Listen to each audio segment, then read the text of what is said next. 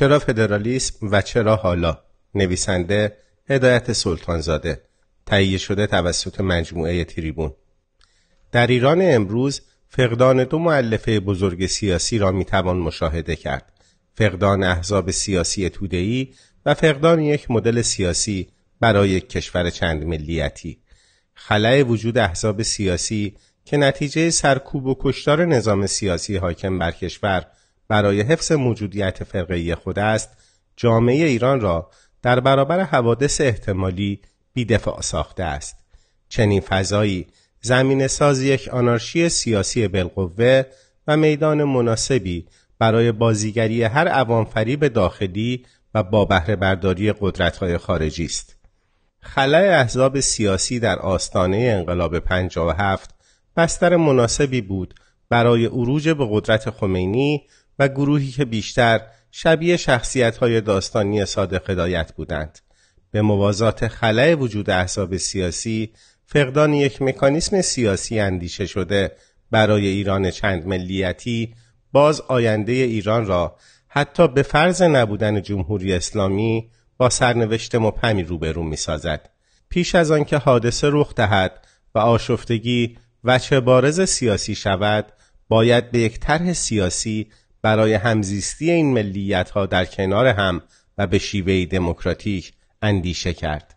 ساختارهای سیاسی حاکم نه تنها توان پاسخگویی به این نیازها را در این زمانه پرشتاب و متغیر ندارد بلکه خود بزرگترین مانع برای انتباق حاکمیت سیاسی با جامعه چند ملیتی و چند زبانی و چند مذهبی می باشد. در برابر یک رژیم توتالیتر مذهبی و در خلای وجود احزاب سیاسی توده‌ای دو کانون بزرگ حرکت توده‌ای به وجود آمده است که هر دو ذاتن از یک خصلت سیاسی مدنی و دموکراتیک برخوردار هستند.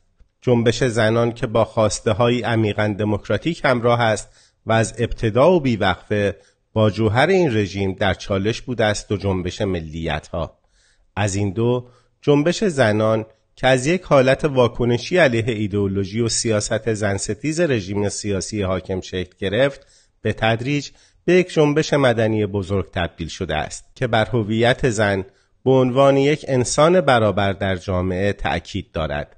از این نظر جنبش زنان ایران را نه تنها می‌توان پیشگام جنبش دموکراتیک زنان در خاورمیانه بلکه در تمام کشورهای اسلامی تلقی کرد. جنبش ملیت ها از خصیصه دیگری برخوردار است. وجود ملیت ها و قومیت های مختلف در ایران با ریشه های ملی و زبانی متفاوت که سرکوب سیاسی و فرهنگی آنان در صد سال گذشته تنها هنر رژیم های سیاسی حاکم بوده است به آسانی می تواند به بستر مناسبی برای یک طوفان سیاسی علیه رژیم سیاسی بی اعتبار و خردگریز و شکستن دیوارهای نظام حاکم تبدیل گردد. و منتهی به فروپاشی کشور و درگیری های بیمهار داخلی حتی در میان خود ملیت ها شود. این نه مطلوب است و نه ضرورتا می‌تواند به آزادی و دموکراسی بیانجامد. حاصل فروپاشی ضرورتا دموکراسی نیست. اگرچه مبنای حرکت آن خواسته های مشروع و حق طلبانه بوده باشد.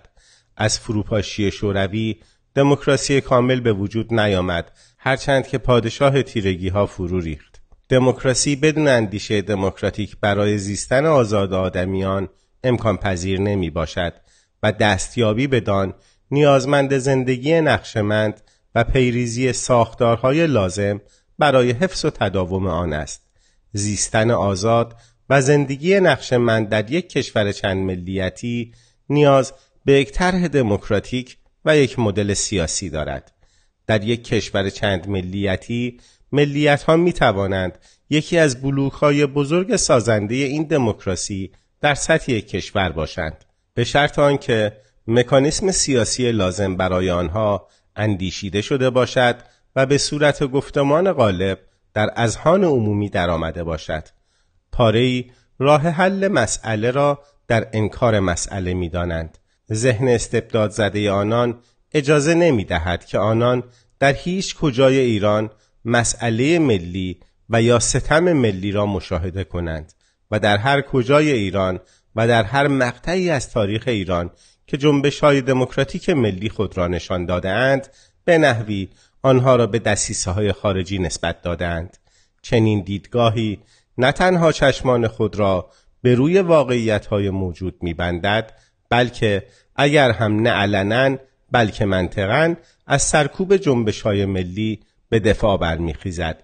زیرا منطقا نمی‌توان حرکتی را حاصل دسیسه های خارجی تلقی کرد و در عین حال رفع دسیسه را مثبت ارزیابی نکرد. در رابطه با مسئله ملی باید گفت که یک تحول فکری جدی رخ داده است که بر معلفه مسئله ملی در ایران ضرورتا اثر می‌گذارد.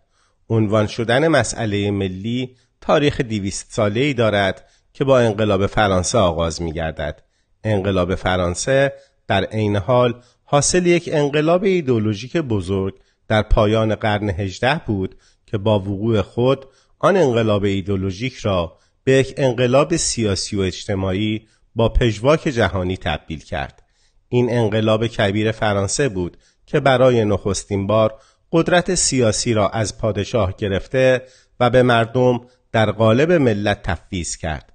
در واقع تأکید انقلاب فرانسه بر تجزیه ناپذیری حاکمیت ملی تأکیدی بود بر تجزیه ناپذیری حاکمیت مردم که به سلوحی جنبش های انقلابات ملی بعدی خود درآمد.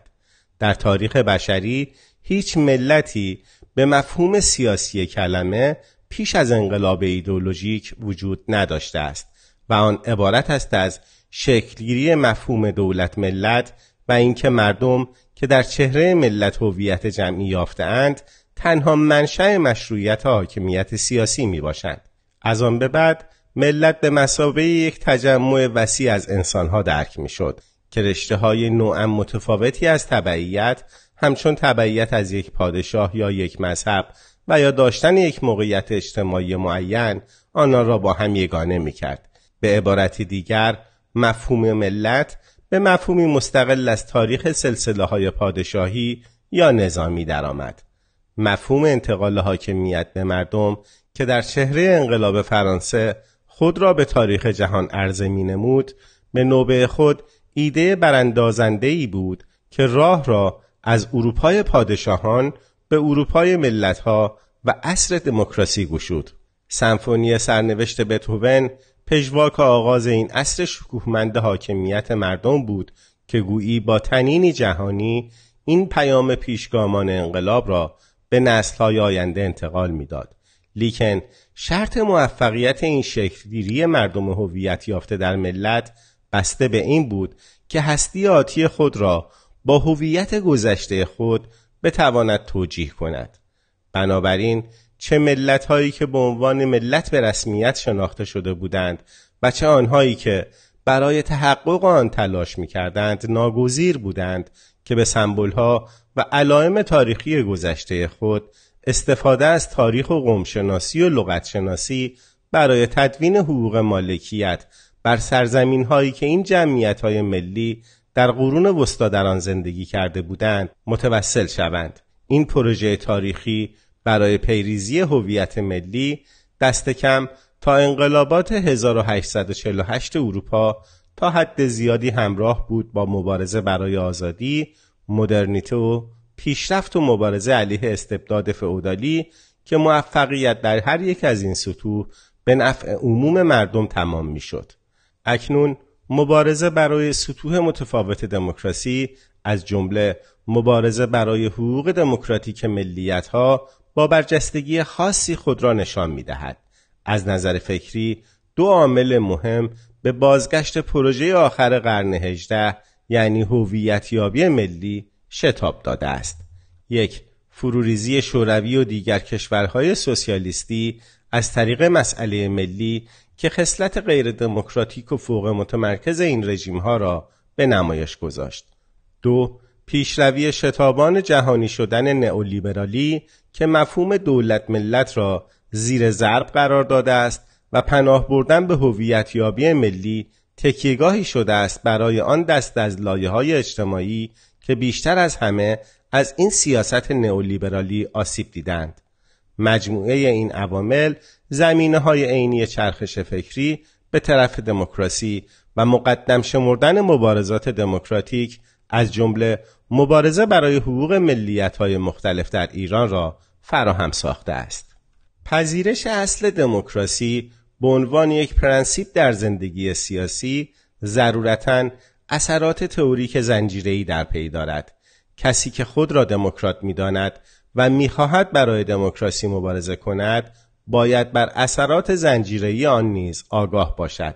در یک نظام دموکراتیک نه تنها آدمها با هم برابرند و باید از حقوق سیاسی برابر برخوردار باشند بلکه واحدهایی از گروه انسانی که از آنها به نام ملیت نام می‌بریم یا دو جنس مختلف زن و مرد یا معتقدین به مذاهب مختلف و یا لایک نیز باید از حقوقی برابر بهرهمند باشند.